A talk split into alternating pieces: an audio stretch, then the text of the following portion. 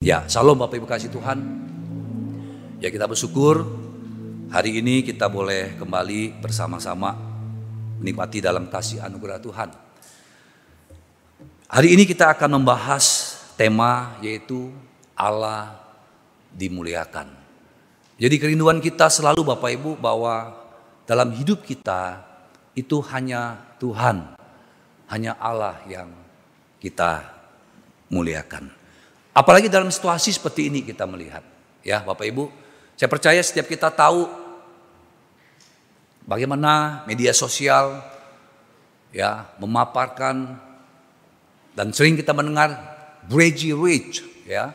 Bagaimana uh, orang-orang yang kaya ya mendadak bahkan dalam konten-konten YouTube-nya bagaimana dia katakan dia memiliki kekayaan Bahkan di akhir itu di ujung dia katakan, jika saya bisa, kalian juga bisa. Wah luar biasa sekali ya dorongan motivasinya. Tapi ternyata pada akhirnya apa yang dia katakan, apa yang harus ya dia ucapkan, dia harus pertanggungjawabkan. Ternyata mereka, setidaknya ada dua orang yang terlibat dalam investasi bodong. Nah ini situasi yang tidak jauh dari kita Bapak Ibu. Dan memang ya dalam situasi digital dan muncul bagaimana cryptocurrency ya dengan Bitcoin. Ya, saya percaya mungkin Bapak Ibu tahu ini dan jangan-jangan kita juga sudah ada menginvestasi di situ. Dan sangat-sangat mengagumkan sekali bahwa di tahun 2021 per bulan Desember ada 11,2 juta orang yang menginvestasi Bitcoin. Dan aset investasi itu sudah mencapai 859 triliun. Bayangkan Bapak. Ya udah kumpul di sana semua. Dan banyak lagi kalau kita melihat hal-hal yang lain. Nah ini pasti ya pasti. Baik kita semua yang mungkin berpikir sudah dewasa secara rohani Apalagi bagi anak-anak kita. Ya generasi alpha, generasi-generasi yang muda sekarang yang banyak ya mengikuti fans-fansnya sehingga apa pun tawang konten-konten yang ditawari itu bisa-bisa menarik mereka. Atau mungkin ada di antara kita yang mungkin ya tersenyum ya dengan jumlah 859 itu ada uang kita di sana. Bapak Ibu saya tidak akan bahas boleh atau tidak. Tapi saya akan membahas untuk kita bagaimana kita menyikapi. Kita menyikapi hidup ini. Dalam situasi pandemi digital yang serba tidak bisa diatur.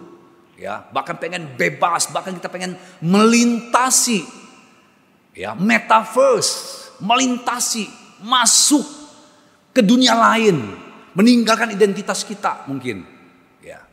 Nah, bagaimana kita sebagai anak-anak Tuhan ini? Nah, yang pasti Bapak Ibu yang kasih Tuhan, kita ini adalah orang-orang yang hidup sebagai keluarga kerajaan Allah. Ingat, ya ketika kita menerima baptisan, ketika saya membaptis dari anak-anak, ya Sejak saat ini engkau masuk dalam kerajaan Allah. Jadi kita yang sudah menerima baptisan kudus itu kita masuk menjadi bagian keluarga kerajaan Allah. Artinya apa? Artinya bahwa yang menjadi raja kita itu adalah Tuhan Yesus. Allah kita. Sehingga apa pun yang kita hadapi, kita sikapi, harusnya kita datang dulu Mohon petunjuk, baik mencari teman hidup, baik kita mencari pekerjaan, baik kita ingin memutuskan segala sesuatu. Bapak dalam bimbingan perani KBPN, saya tanya masing-masing pasangan, bahkan yang sudah menikah, ketika saya bimbing, saya tanya, mengapa menikah? Itu dasar, mengapa menikah? Karena dasar itu, alasan itu menentukan hidup kita. Bagaimana kita menjalani kehidupan itu. Tujuannya apa? Tujuannya untuk memuliakan Tuhan. Sering kalau bertanya, Boksu, Mana Alkitab katakan ya dilarang merokok begitulah. Tidak ada memang. Ngapain repot-repot Roh Kudus menginspirasikan penulis tulis dilarang merokok ngapain? Manusia makhluk rohani yang mempunyai akal budi menggunakan akalnya itu pilar John Wesley akal budi Alkitab tradisi pengalaman cukup itu menjawab semuanya itu yang penting Bapak Ibu yang kasih Tuhan, bagi saya apa pun yang kita lakukan, apa pun yang kita lakukan, kita pikirkan, pertemukan, hadapkan apakah itu memuliakan Allah. Itu saja. Nah memang tidak gampang untuk melihat apakah itu memuliakan Allah. Kalau kita tidak dekat dengan Allah. Itulah pentingnya kita untuk hidup di dalam kerajaan Allah. Nah hari ini kita mau bahas Bapak Ibu ya bagaimana kita mendengar khotbah kemarin ya sosok Petrus. Seorang Petrus yang mengalami Tuhan. Nah kita akan melihat surat yang dikirimkannya kepada orang-orang percaya kepada kita hari ini. GMI Anugerah Jakarta. Nah mari kita akan melihat sama-sama dalam 1 Petrus 4 ayat 7 sampai ayat yang ke-11. Ini surat Petrus yang kita dengar minggu lalu bagaimana dia ditantang oleh Tuhan. Apakah kau mengasihi aku? Dia merespon dan dia mengalami perubahan, mengalami kuasa kebangkitan dan dia sekarang sampaikan surat kepada kita semua. Saya akan baca, mari Bapak Ibu menyimak apa yang sudah ada di layar kita Masing-masing bagi yang di rumah, bagi yang uh, di gereja silakan boleh buka Alkitab atau melihat juga di uh, layar di depan. 1 Petrus 4 ayat 7 sampai 11 demikian firman Tuhan. Kesudahan segala sesuatu sudah dekat. Karena itu kuasailah dirimu dan jadilah tenang. Supaya kamu dapat berdoa. Tetapi yang terutama kasihilah sungguh-sungguh seorang akan yang lain Sebab kasih menutupi banyak sekali dosa. Berilah tumpangan seorang akan yang lain dengan tidak bersungut-sungut. Layanilah seorang akan yang lain sesuai dengan karunia yang diperoleh tiap-tiap orang sebagai pengurus yang baik dari kasih karunia Allah. Jika ada orang yang berbicara, baiklah ia berbicara sebagai orang yang menyampaikan firman Allah jika ada orang yang melayani, baiklah ia melakukannya dengan kekuatan yang dianugerahkan Allah. Supaya Allah dimuliakan dalam segala sesuatu. Karena Yesus Kristus ialah yang empunya kemuliaan dan kuasa sampai selama-lamanya. Amin. Bapak Ibu ini surat Petrus kepada kita semua.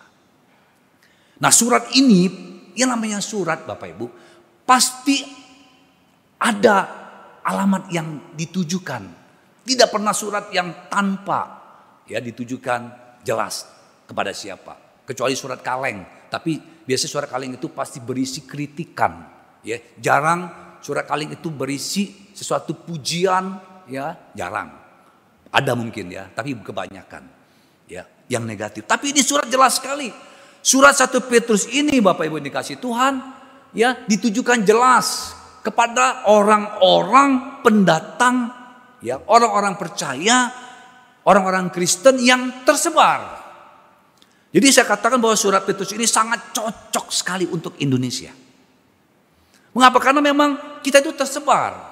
Kita ada di tengah-tengah yang memang banyak ya bukan agama secara uh, dominan, tetapi ya kita ada itu di mana pun ada. Artinya kita tersebar. Nah ini juga yang dituliskan oleh Petrus kepada seluruh jemaat yang tersebar ya di Asia kecil, di Galatia, Kapadokia dan sebagainya. Nah, sangat relevan. Kenapa? Karena tujuan surat ini untuk orang-orang yang tersebar. Bapak bayangkan tersebar itu ya kita tuh berada di tempat-tempat yang mungkin tidak banyak orang. Jadi rasanya gini, memudahkan kita untuk menutupi identitas gitulah. Ya, di tengah-tengah pekerjaan kita sendiri Kristen, di tengah-tengah mungkin komplek kita sendiri Kristen, di tengah-tengah mungkin uh, dalam komunitas kita sendiri ya gitulah tersebar. Nah, apa tujuannya? Tujuannya adalah untuk menguatkan iman. Supaya kuat iman. Petrus tahu bagaimana dia ditekan dalam situasi dipaksa untuk mengakui Tuhannya. Dia gagal. Jadi ini satu surat pengalaman yang Petrus sampaikan untuk menguatkan iman dalam apa? Dalam tekanan dan penganiayaan. Itu tujuannya. Dia sampaikan apa yang dipertahankan? Iman, Injil Yesus Kristus.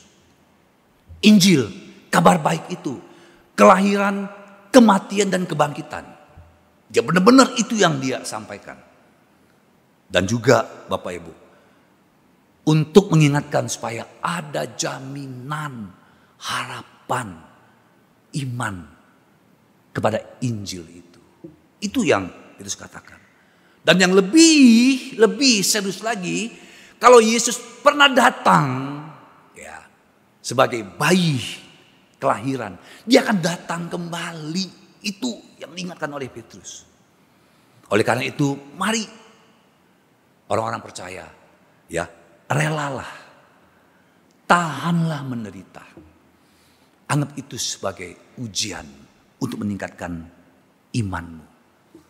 Dan Akhirnya Petrus katakan, semua apa pun yang kita lakukan, semua apa pun yang kita buat akan dibalas oleh Tuhan.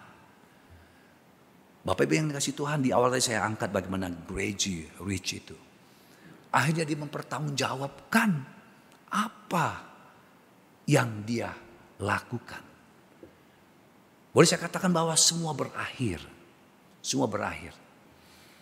Nah, hari ini Bapak Ibu, ya, kita melihat pembacaan yang kita baca tadi di awal diawali dengan satu kalimat ayat 7a bahwa kesudahan segala sesuatu sudah dekat. Ini firman Tuhan untuk kita semua. Untuk saya sebagai pelayan Tuhan, untuk kita sebagai yang masih muda, mungkin dalam pendidikan, untuk kita yang mungkin saat ini bergumul, apa pun itu, kesudahan segala sesuatu itu sudah dekat.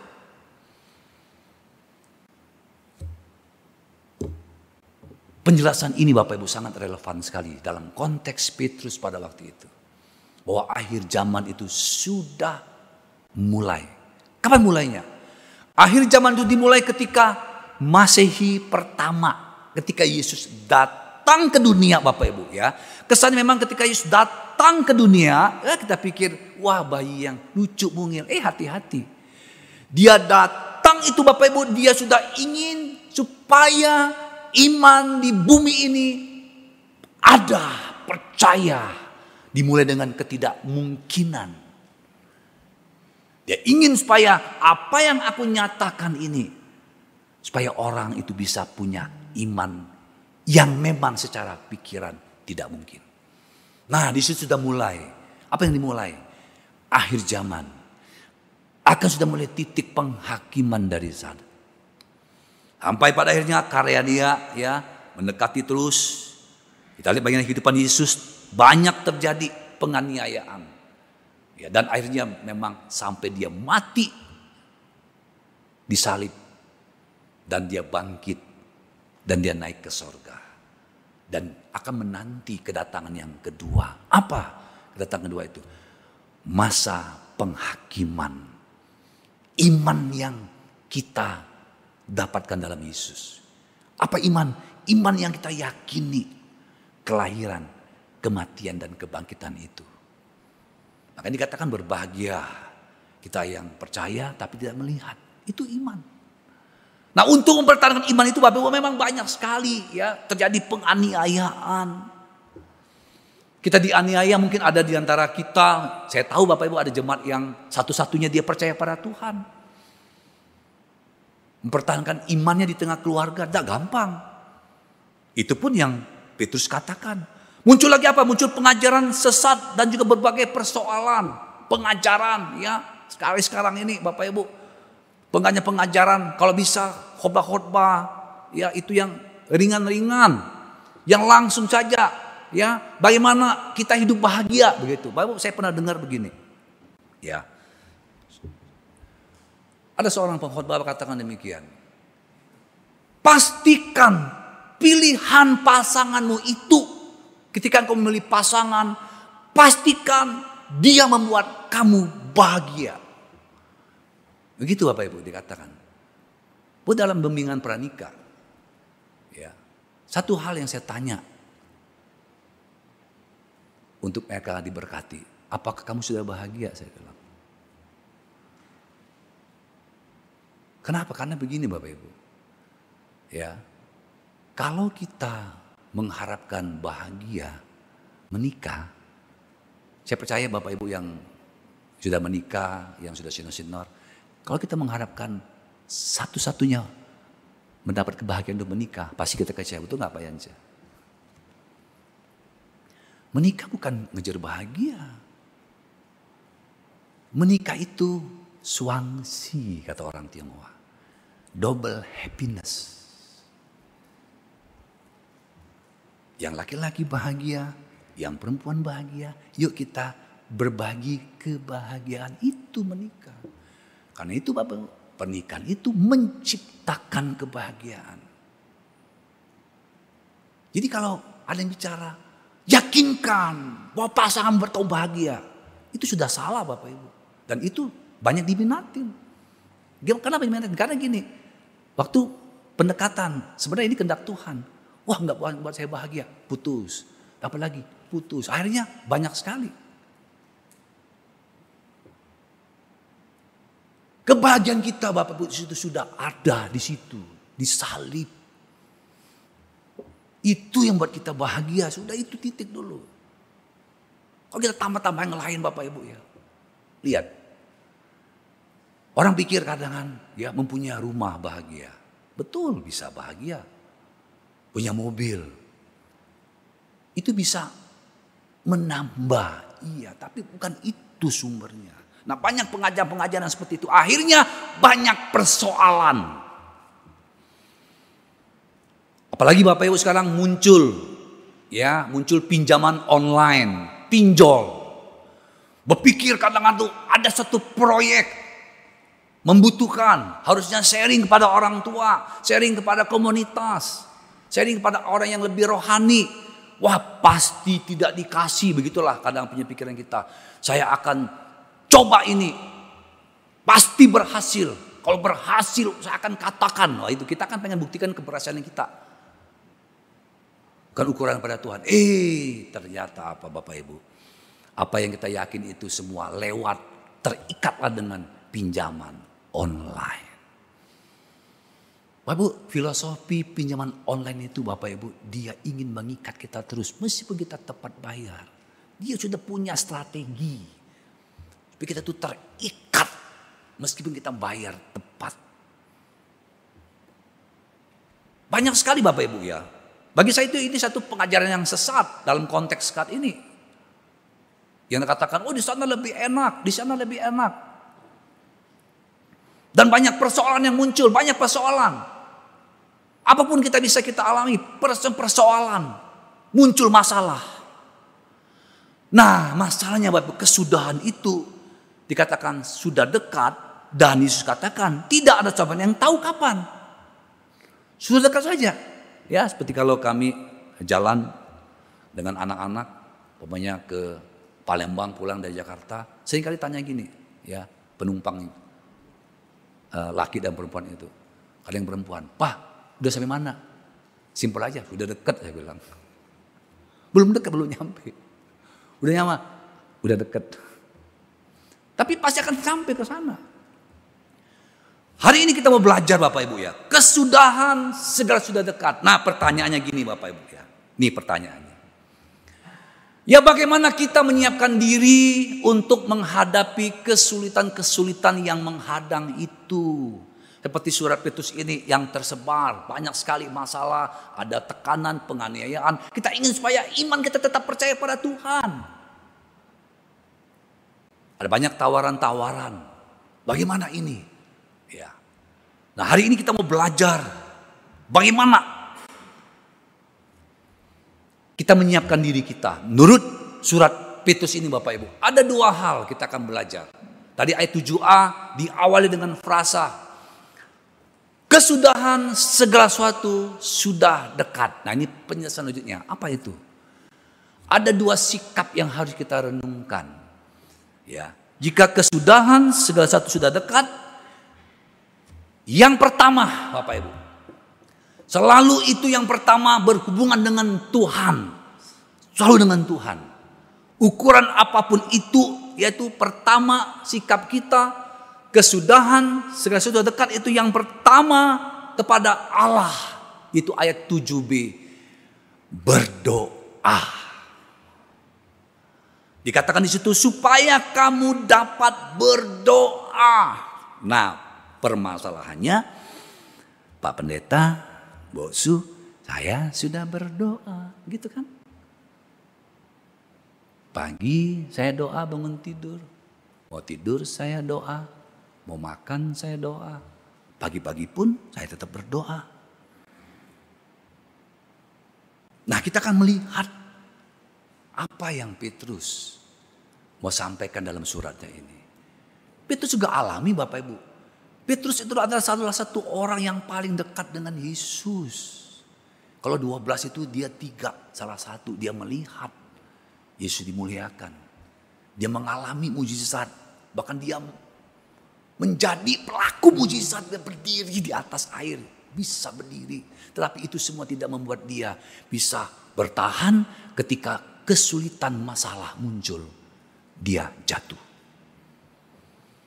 Nah, Petrus katakan yang pertama itu kamu harus berdoa. Berbagai masalah sering kali menghabiskan pikiran dan tenaga kita. Ya, masalah. Dan sering kali kita fokus pada masalah. Fokus pada masalah. Kita punya masalah dengan suami. Suami terus yang tadi fokus kita. Waduh kapan dia berubah ya. Kapan dia berubah. Kita punya masalah dengan anak kita. Aduh kenapa anakku seperti ini. Kita fokus kepada anak. Fokus kepada anak. Kita fokus pada masalah, pada orang yang sulit. Fokus pada mereka. Akhirnya kita mengalami dehidrasi rohani. Kering. Ke gereja tidak bisa berkumpul saya grup tidak bisa, masalah tekanan lebih banyak, fokusnya salah, muncullah masalah dan akhirnya Bapak Ibu kita sulit berdoa. Harusnya. Ya, kalau Petrus katakan ini kita harus berdoa. Nah, Petrus dia tidak sembarang katakan berdoa, berdoa, berdoa kan gini kan. Sering dikatakan ada orang. Ya, itu saya begumul gini, makanya berdoa kan gitu kan, cuma katakan kan. Makanya berdoa, tapi Petrus tidak seperti itu. Dalam suratnya dia katakan, ya kamu harus berdoa. Supaya kamu berdoa. Ah, ayat 7b dia katakan. Kuncinya apa? Ya, kuasailah dirimu dan menjadi tenang. Supaya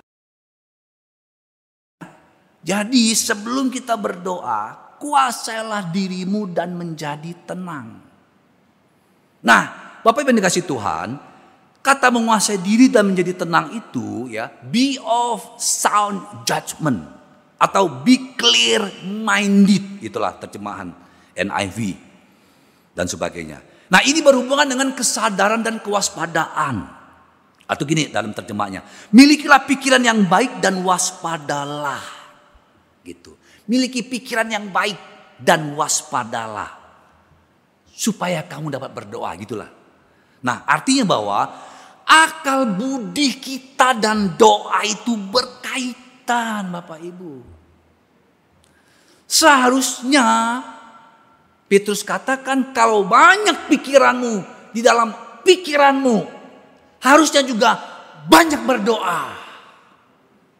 Tapi kenyataannya, kenyataannya kita sulit berdoa karena banyak masalah. Betul nggak? Bahkan bukan hanya tidak berdoa. Kita pikir, ah sudahlah Pak Pendeta, bosu. Saya nggak mau doa lah, saya kecewa. Tuh orang tidak berdoa gitu kan? Tuh orang tidak berdoa, kok dapat? Dan gitu selalu. Padahal Bapak Ibu Petrus katakan, berhubungan doa itu dengan akal budi nyambung. Ya masa sering sering kali masalah akal budi dihilangin. Makanya orang sering kali ya berdoa lagi tenang enak. Mana berdoa, berdoa, berdoa. Jadi hanya permukaan. Istilah berdoa itu Bapak Ibu semua agama ada semua sama. Dan kita terjebak di doa agama. Bukan doa yang seperti Petrus maksudkan.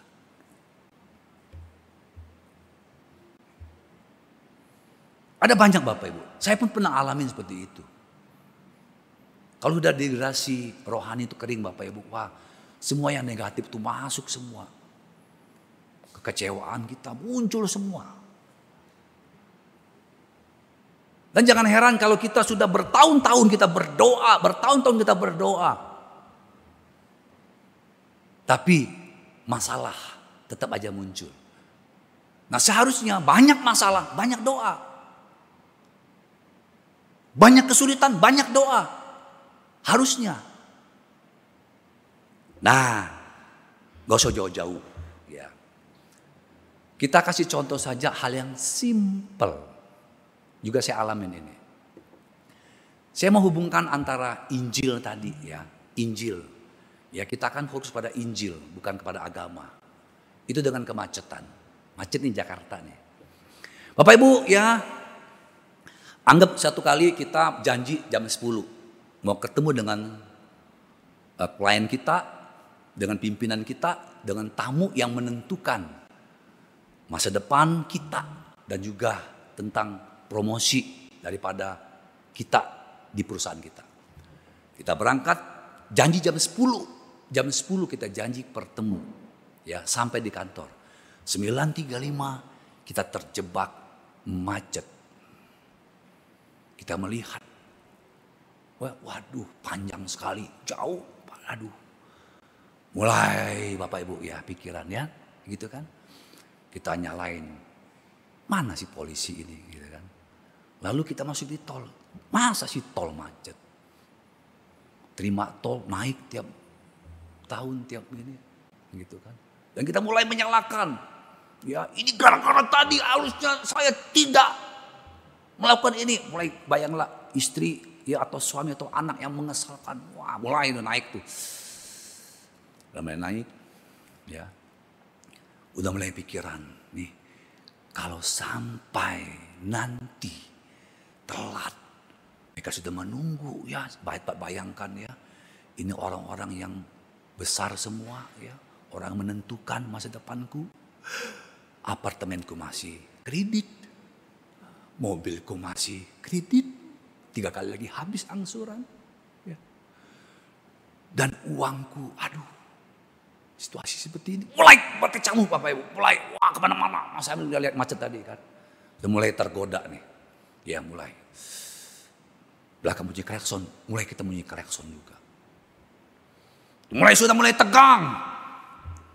Sudah pikiran sudah ke mana-mana. Jika sampai dipecat, aduh Begitu kan? Wah naik.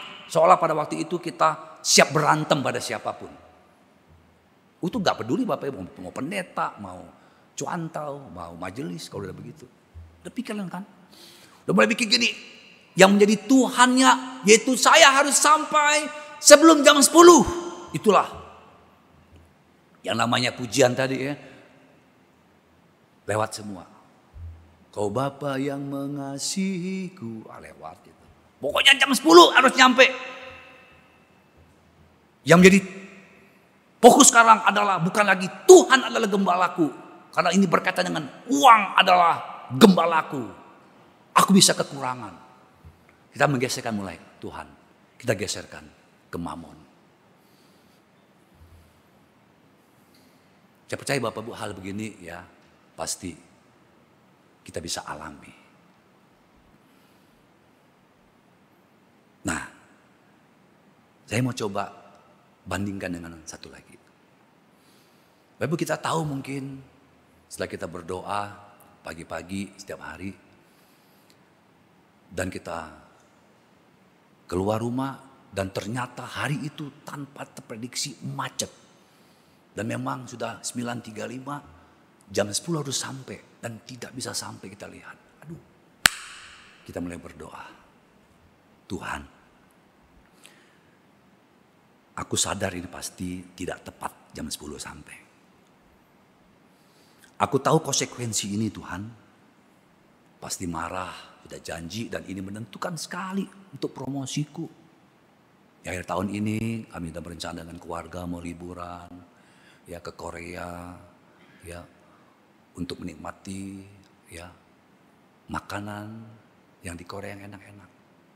Tapi kalau seperti ini bisa jadi bubar semua. Tuhan tadi pagi saya bersyukur. Saya renungkan satu bayang firman Tuhan. Jika burung pipit dipelihara oleh Tuhan, apalagi saya. Ibu, hati mulai tenang. Ya, kalau kita naik motor gitu kan, trotoar nggak kita naikin, ya, nggak buru-buru udah ikut. Tuhan adalah gembalaku. Aku percaya Tuhan. Apa pun masa depanku ada dalam tanganmu. Kalau kita nyetir, Tuhan ada di samping kita dan tersenyum. Nah Bapak Ibu bisa jadi dua kemungkinan.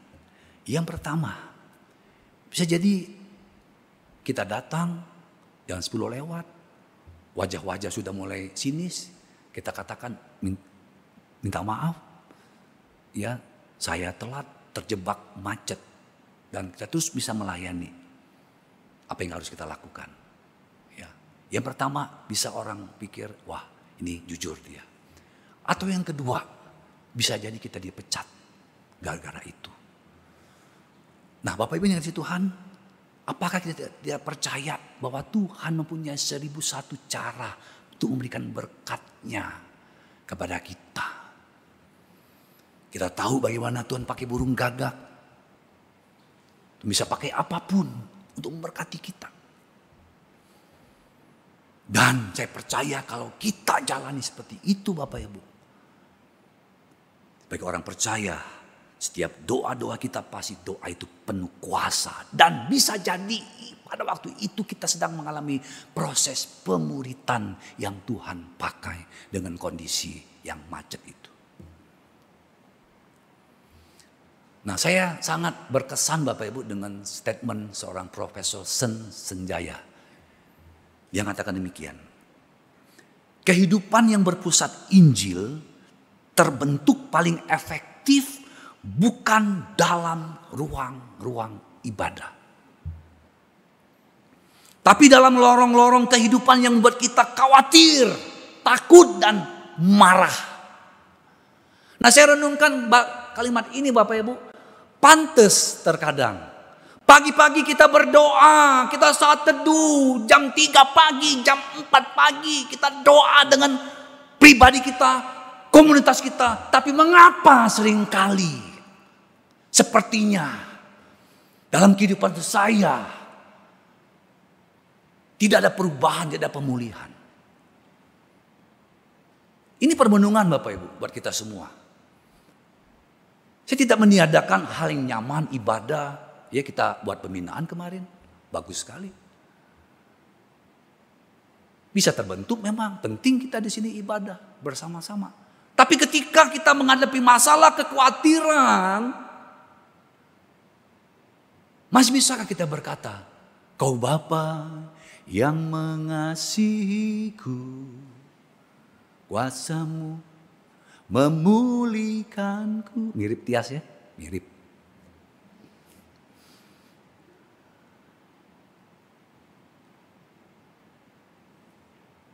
Kalau kita gagal, gagal dalam hal khawatir, gagal dalam hal takut, gagal dalam hal marah Bapak Ibu. Firman Tuhan itu tidak akan berkuasa.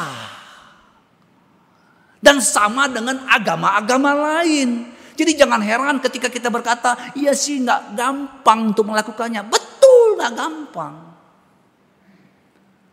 Akhirnya kita membaptis hal-hal yang rohani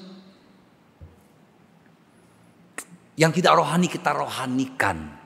Dan itu bertahun-tahun membentuk kita. Pagi-pagi kita berdoa, pagi-pagi kita berdoa, malam kita berdoa, kita baca Alkitab, kita renungkan, kita nyatakan semua. Tetapi ketika muncul kemacetan tadi, Bapak Ibu, saya tahu banyak Bapak Ibu begitu. Ada yang mau kendaraan saat start dari rumah, udah berdiri tepat, tiba-tiba saya pernah ngantar anak. Biasanya lancar di depan.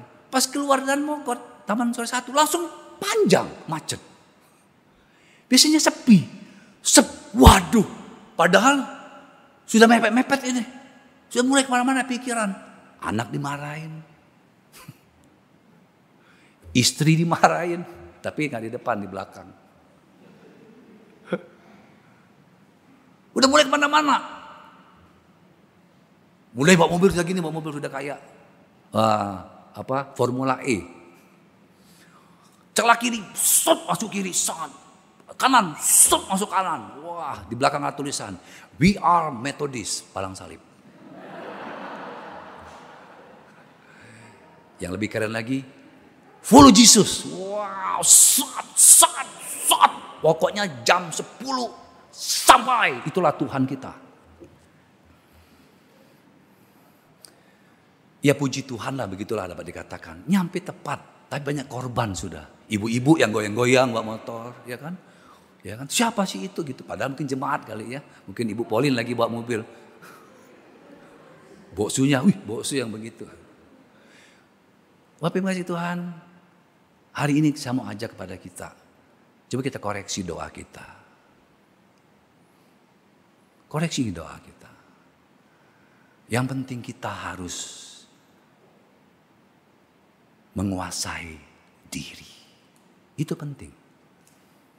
Dan menjadi tenang supaya kamu bisa berdoa. Banyak orang berdoa tapi tidak berdoa karena tidak bisa menguasai diri. Doa diisi dengan keinginan-keinginan.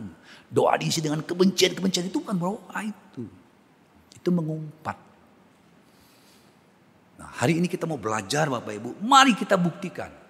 Ya, Nanti ini sudah mulai padat macet. Ya. Itu kan. Makanya kan itu Bapak Ibu ya, begini ya, saya mau ajar tips singkat. Pagi-pagi setelah kita baca Alkitab, dapat sesuatu hal, begini doanya. Ya. Tuhan, saya akan ke kantor. Saya akan mengantar anak atau ke mana. Mungkin saya ketemu sama orang yang akan belok ke kanan, gak kasih sen Tuhan. Atau mungkin ada ibu-ibu yang bingung, kasih sen kiri, dia belok kanan. Atau mungkin ada orang buat Tuhan yang buru-buru, yang langsung wow, ambil nyerobot antri saya. Atau tiba-tiba ada yang nyebrang. Tuhan, tenangkan hatiku. Mungkin mereka tidak tahu, ya kan seperti Yesus dia saya salib. Apa yang dia perbuat kan gitu. Percaya Bapak Ibu, waktu kita berdoa begitu, amin kita dalam kantor, bertemu dengan begitu, kita bisa kuasai. Maka saya bilang, motivasi kita berdoa lebih penting daripada doa itu sendiri. Motivasi kita taat lebih penting daripada ketaatan. Kita bisa taat kok, saya bisa taat. Berdoa saya bisa taat 4 jam, 5 jam, 6 jam. Pertanyaannya, apa motivasi saya? Pengen membandingkan Ketika orang tidak berdoa, kamu tidak rohani, begitu. Nyanyi tidak angkat tangan, tidak rohani, begitu. Dan itu terjadi di rumah Tuhan. Artinya di rumah Tuhan pun berani kita menghakimi orang. Iya. Apalagi di luar. Nah mari Bapak Ibu kasih Tuhan kita ubah. Pulang dari sini besok kita mulai. Mulailah. Mulai berdoa untuk menguasai diri. Dan menjadi tenang berkaitan dengan pikiran kita, akal budi kita, banyak masalah, banyak berdoa. Konekkan itu, konekkan. Memang kita mungkin sudah bertahun-tahun lama, konekkan itu, konekkan itu. Dan ingat, ketika kita banyak berdoa, kita berdoa bukan untuk membandingkan dengan orang lain. Seolah-olah orang kurang berdoa, saya banyak berdoa. Tidak Bapak Ibu. berdoa itu kita berbicara kepada Tuhan dan untuk diri kita sendiri. Dan mari kita mulai apa pun kita jalani. Kita berdoa di awal, siapkanlah skenario-skenario dengan Tuhan. Aku tahu Tuhan kau berserta dengan aku di samping kiri. Memang ada istri di samping kiri ya. Tapi Tuhan juga ada dekat dengan kita. Nah, kepada Tuhan, kepada Allah yang pertama ya, yaitu berdoa. Nah, Tuhan tidak pernah kalau kepada Tuhan lalu hilang udah habis. Yang kedua, Bapak Ibu ya. Yang kedua, kepada sesama.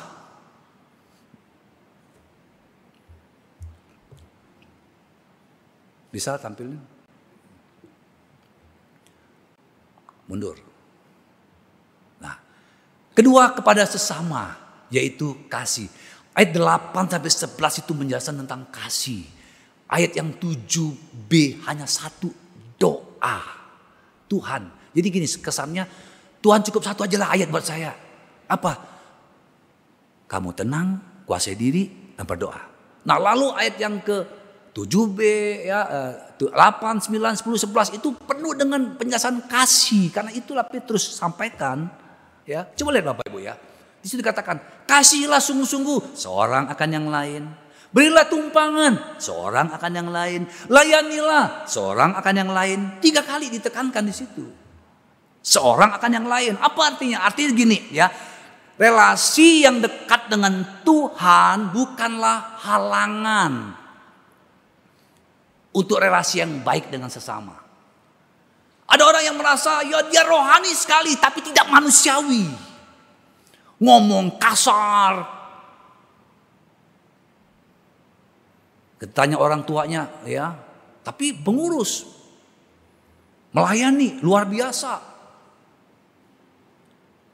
Bapak Ibu ngasih Tuhan, Tuhan ingin supaya relasi dekat dengan dia dalam doa-doa kita kita pun semakin manusiawi. Mendekat kepada Allah dalam doa ayat 7. Bukanlah substitusi bagi mengasihi sama. Artinya kita berdoa cukup diganti sudah Tuhan. Aku udah dekat sama Tuhan. Artinya sudahlah, jangan lagi peduli dengan istri, suamiku, ya, anak-anakku, orang-orang mengecewakan. Sudahlah, udahlah Tuhan. Aku penting aku berdoa, kan begitu. Tak bisa Bapak Ibu. Petrus alamin itu gagal dia. Gagal. Kalau kita mau mengulangi kegagalan Petrus, monggo. Saya nggak mau. Dan saya percaya kita semua tidak mau. Kita berdoa, kita rohani. Mari kita buktikan hidup di dalam kasih anugerah dan nyata kepada seorang yang lain. Karena itu saya grup kita Bapak penting sekali, saya grup. Kenapa? Seorang akan yang lain. Bukti kita berdoa, kita kumpul saya grup. Bukti kita rohani, kita kumpul saya grup. Coba bagaimana Bapak Ibu tidak rindu saya grup tapi bila mengasihi Tuhan. Berarti Bapak Ibu yang benar, Petrus salah. Dan ini tulisan Petrus ini sudah ber, bertahun-tahun bahkan berabad-abad bahkan sampai pada kesudahan tetap tertulis seperti ini. Berarti kita yang salah, firman yang benar. Mari kita ubah Bapak Ibu. Mari kita mulai. Yang belum masuk anggota saya grup masuk. Bergabung. Tapi saya nggak cocok sama itu si A sama si B. Eh, jangan kau bilang cocok gak cocok. Ingat ya, Hubunganmu dengan Tuhan membuktikan hubungan dengan sesama kan gitu. Jalin relasi Bapak Ibu. Nah, lalu selanjutnya Petrus memaparkan ada dua hal. Dia jelaskan tentang kasih semua itu bersama. Ya.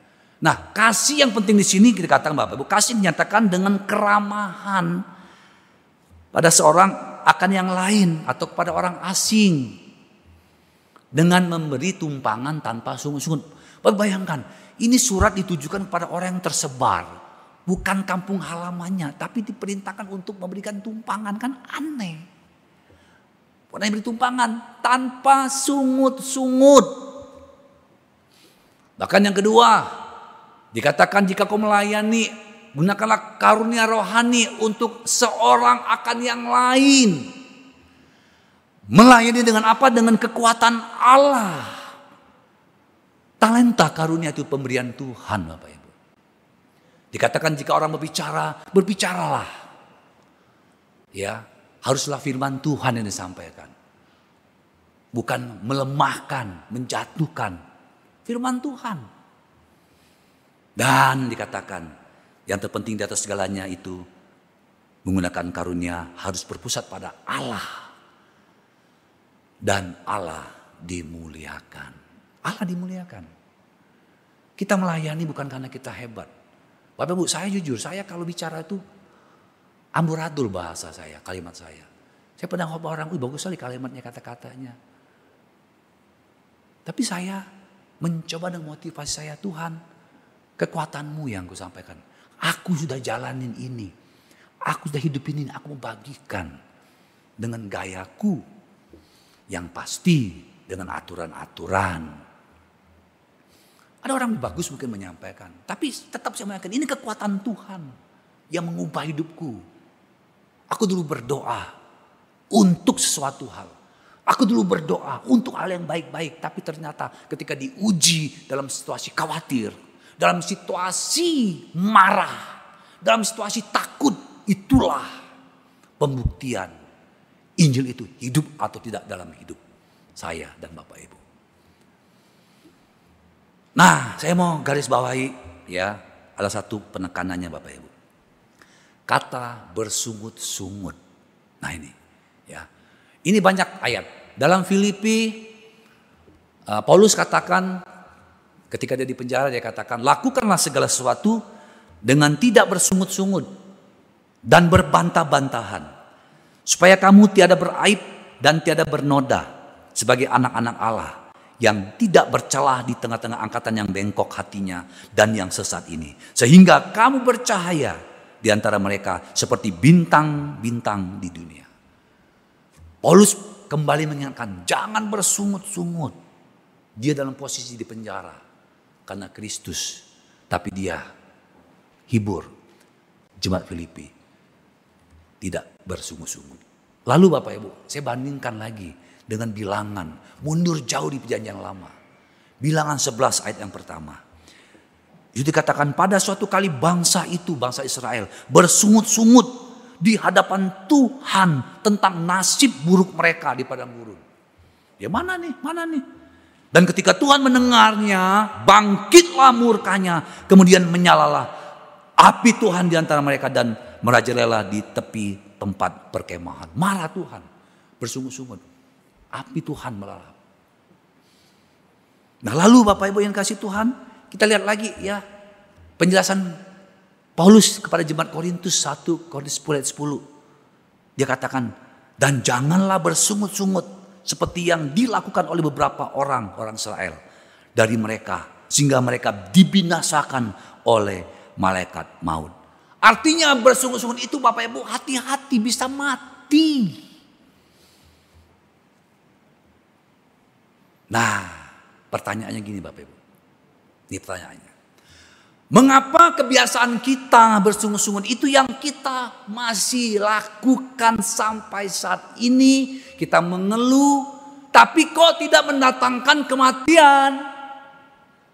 Di mana firman Tuhan itu katanya mati, malaikat mau datang di mana? Gitu kan?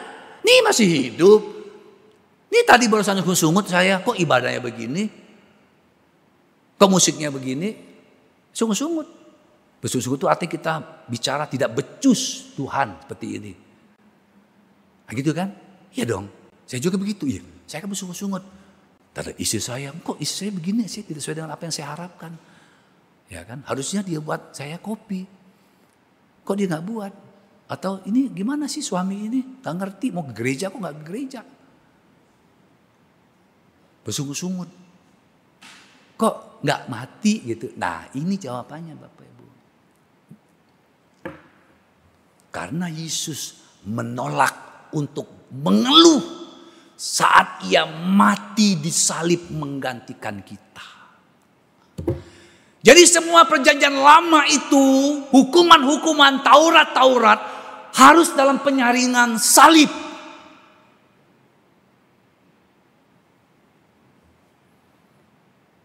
Itulah bernilainya salib.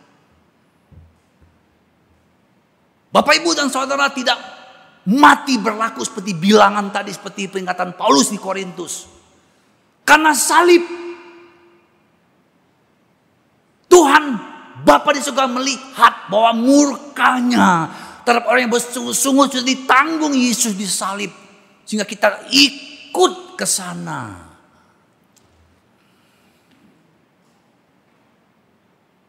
Sampai saat ini Bapak kalau kita renungkan karya salib itu indah sekali.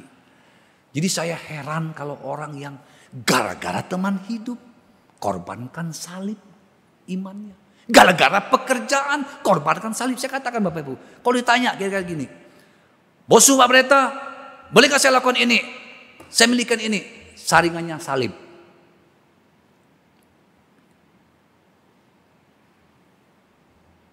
Luar biasa Bapak Ibu. Itulah Injil, itulah anugerah Tuhan. Bapak melihat Yesus yang tidak bersungut-sungut. Padahal dia adalah kebenaran. Ketika dia dicaci maki, dia tidak membantah mencaci maki. Bapak saya kadang-kadang emosi dengan diri saya sendiri. Kadang, -kadang saya tahu seperti itu. Tuhan tidak membantah. Kenapa saya membantah sih? Tuhan tidak membuktikan kebenaran ketika ditanya Pontius Pilatus. Kenapa kita berjuang untuk membuktikan kebenaran? Mari kita hargai Bapak Ibu. Kita melayani karena salib. Kita menikah karena salib. Kalau suami diperintahkan, hai suami kasihlah istrimu. Terus kita menyimpang sedikit. Terus kita berasa aman-aman saja. Itu karena salib yang ada dalam diri istri kita, anak-anak kita, dan kita semua. Tuhan tetap menjaga kita. Jadi inilah zaman anugerah namanya Bapak Ibu. Tapi jangan kita sembarangan berbuat dosa. Kita bisa ada sampai saat ini, kita bisa melayani karena salib Kristus. Dan kita percaya kepada Yesus Kristus. Yang adalah Tuhan dan Juru Selamat kita. Mari kita kita mengendarai kendaraan. Ada Yesus samping kita. Waktu kita lagi berbuat dosa, ingat ada Yesus. Mungkin suami, istri, anak tidak ada orang dekat. Tapi ada Yesus. Salibnya yang sudah membereskan semua. Oleh karena itu Bapak Ibu kasih Tuhan,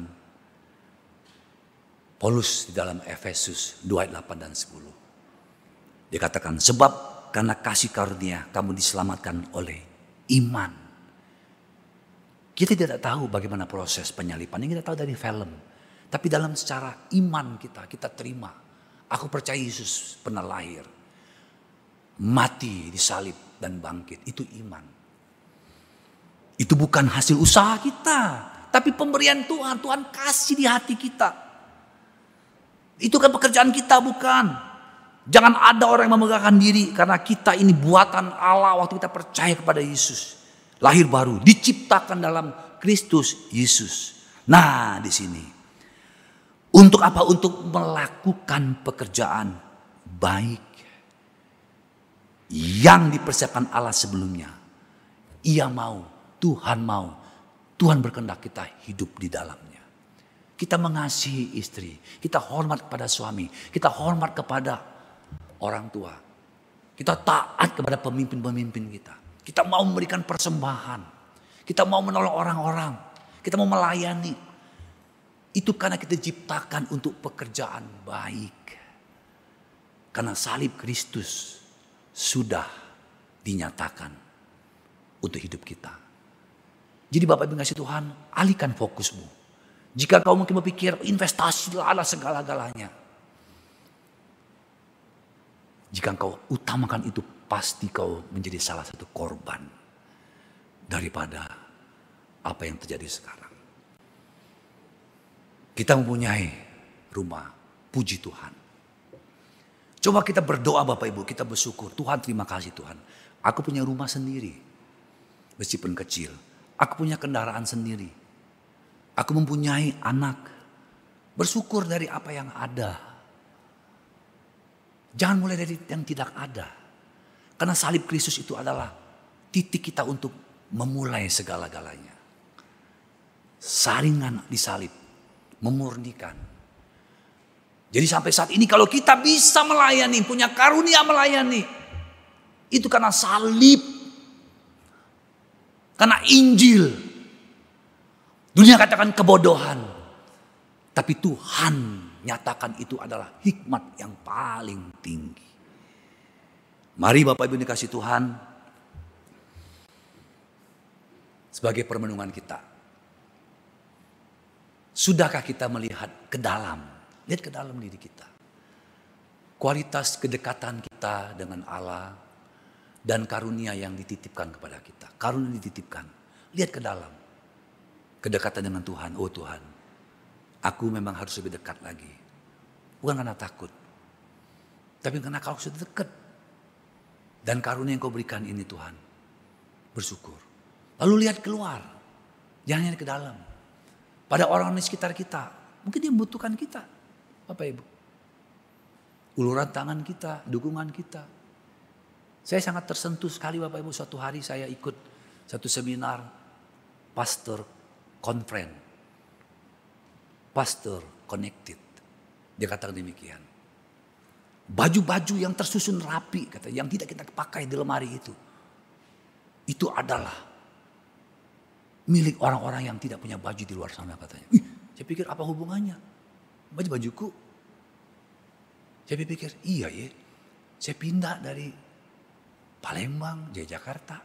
Itu baju nggak pernah kepake. Tujuh tahun. Saya simpen. Di sana ada orang yang tidak ada baju. Itu simple. Tapi kasih Tuhan, apa yang kita miliki itu, kita berhutang. Itu kita kembalikan. Ingat, semua yang kita miliki itu sudah mendapat salib. Jadi jangan takut Bapak Ibu. Dan jangan berupaya sendiri. Kenapa? Karena iblis paling senang berkat yang sudah lewat salib. Karena murni, bebas, halal. Tapi berkat yang di luar sana yang dari dari dia. Dia nggak pusing lagi. Justru ketika kita pengen bergumul, Tuhan ini kok, buh mengembalikannya Tuhan. Memang sih naik sih, gajiku naik tapi besar juga ya Tuhan. Kan gitu kan. Bapak Ibu, kalau kita udah pikir begitu, bertobat pikiran kita itu. Kenapa? Karena semua itu sudah kita dapatkan dalam Tuhan. Amin. Tuhan berkati kita semua. Mari kita berdoa. Tuhan terima kasih. Kerinduan dan harapan kami sebagai orang-orang percaya yang hidup di dalam keluarga kerajaan Allah. Kami mau Tuhan segala sesuatu itu memuliakan Tuhan. Baik perkataan, perilaku, perbuatan. Tolong kami untuk selalu melihat kepada salib karena salib itulah penentu hidup kami. Kami bisa ada sampai saat ini. Karena salibmu. Engkau menanggung semua kelemahan. Bahkan seluruh dosa-dosa dunia. Dosa kami semua. Dan kami bisa benar di hadapan Tuhan. Siang hari ini Tuhan ajar kami untuk melihat kembali ke dalam hati kami, kualitas kedekatan kami, sehingga ketika kami diuji, menghadapi masa-masa kekhawatiran, takutan, ataupun kemarahan, kedekatan dengan Tuhan itulah yang menenangkan, yang meneduhkan. Kami juga Tuhan diberi kesempatan untuk melihat orang lain di luar kami yang membutuhkan uluran tangan kami, dukungan kami. Tuhan tolonglah. Supaya kami tidak mengabaikan atau menggantikan relasi kami. Doa-doa kami, keintiman kami dengan Tuhan. Mengabaikan relasi dengan sesama. Siang hari ini Tuhan kami datang kepadamu. Teguhkan hati kami. Lembutkan hati kami. Kami sadar kami mendengar firman Tuhan. Kami gelisah. Tetapi biarlah firman ini yang mengokohkan hati kami. Sehingga dengan usia yang mungkin sampai di ujung kami menikmati berkat-berkat Tuhan. Yang kami tidak tahu kapan kami akan mengakhiri segala sesuatu. Karena kami yakini Tuhan bahwa kesudahan segala sesuatu, kesudahan yang kami miliki, kesudahan usia kami, kesudahan yang baik, bahkan kesudahan yang tidak baik sekalipun dalam pergumulan itu sudah dekat dan akan berakhir. Dan biarlah ketika kesudahan itu tiba menjumpai hidup kami, kau jumpai kami dalam posisi kami beriman, percaya kepada Tuhan yang sudah menganugerahkan keselamatan. Terima kasih berkati seluruh jemaatmu yang ada di ruangan ini dan juga di tempat masing-masing. Teguhkan hati kami untuk kami selalu rindu menyatakan kehendakmu dan memuliakan nama Tuhan. Kami berdoa, kami bersyukur buat semuanya ini. Di dalam nama Tuhan kami, Yesus Kristus. Amin. Amin.